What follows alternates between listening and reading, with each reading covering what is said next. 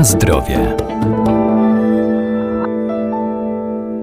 Zdrowy styl życia staje się coraz bardziej popularny. Rośnie też liczba osób, które chcą się odżywiać prawidłowo. Co zatem powinno się znaleźć w naszym codziennym jadłospisie? Z pewnością warzywa i owoce, a zdecydowanie powinniśmy wyeliminować wysoko przetworzoną żywność i ograniczać spożywanie czerwonego mięsa.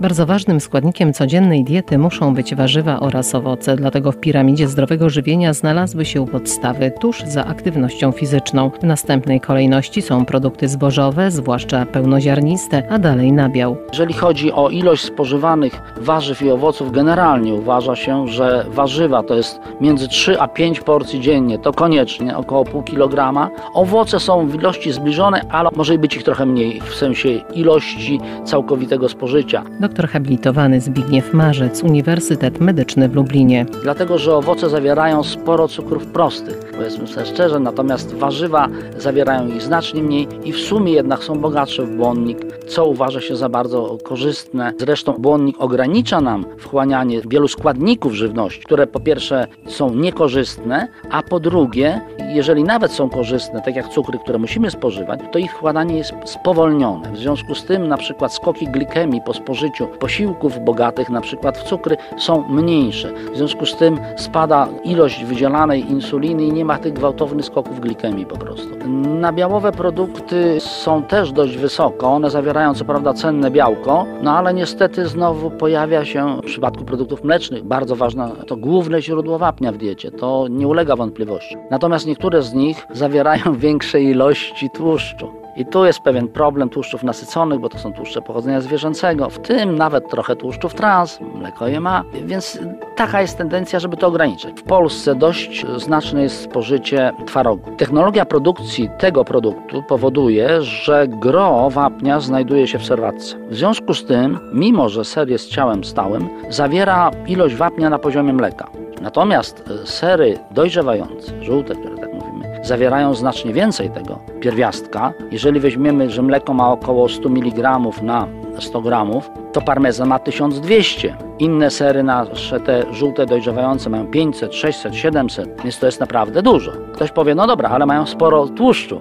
No tak, tylko sera nie zjadamy pół kilograma żółtego po prostu, tylko raczej kilka plasterków. W związku z tym ryzyko, że spożyjemy za dużo tłuszczu jest stosunkowo nieduże. No chyba, że tak jak we wszystkim żywieniu, że jeśli będziemy jedli za dużo, no to będziemy mieli efekty zbyt wysokiego spożycia energii, a to prowadzi w jednym kierunku, do nadwagi i otyłości.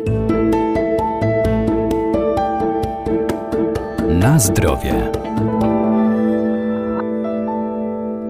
Warto też ograniczać tłuszcze zwierzęce nasycone, które można zastąpić roślinnymi, a także zminimalizować spożywanie cukru i soli oraz wyeliminować żywność wysoko przetworzoną i spożywać więcej ryb. My ryby w Polsce spożywamy dość rzadko.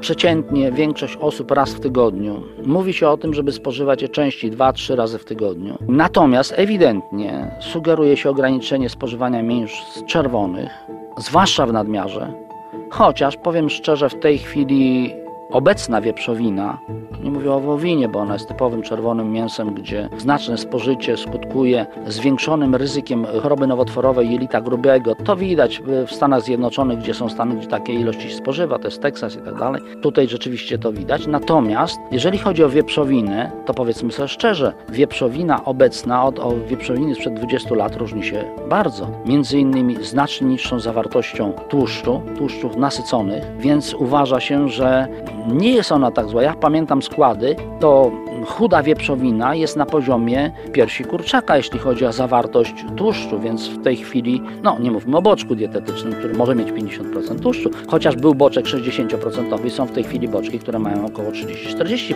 po prostu bardziej w kierunku bekonu idące, więc y, w tym duchu ta najgorsza cecha mięsa zwierząt rzeźnych, dużych typu świnie y, czy wołowina po prostu została ograniczona, zwłaszcza w przypadku świn, że ilość tłuszczu jest dużo mniejsza. No, chyba, że będziemy jedli bardzo tłuste mięso, no to wtedy mamy problem ze względu na nadmiar kwasów tłuszczowych i ryzyko z tym związane chorób sercowo-naczyniowych. No, nadwagi i otyłości to już nie wspomnę.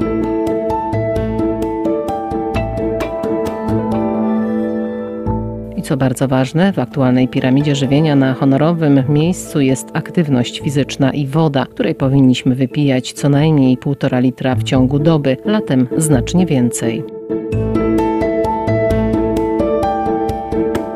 Na zdrowie.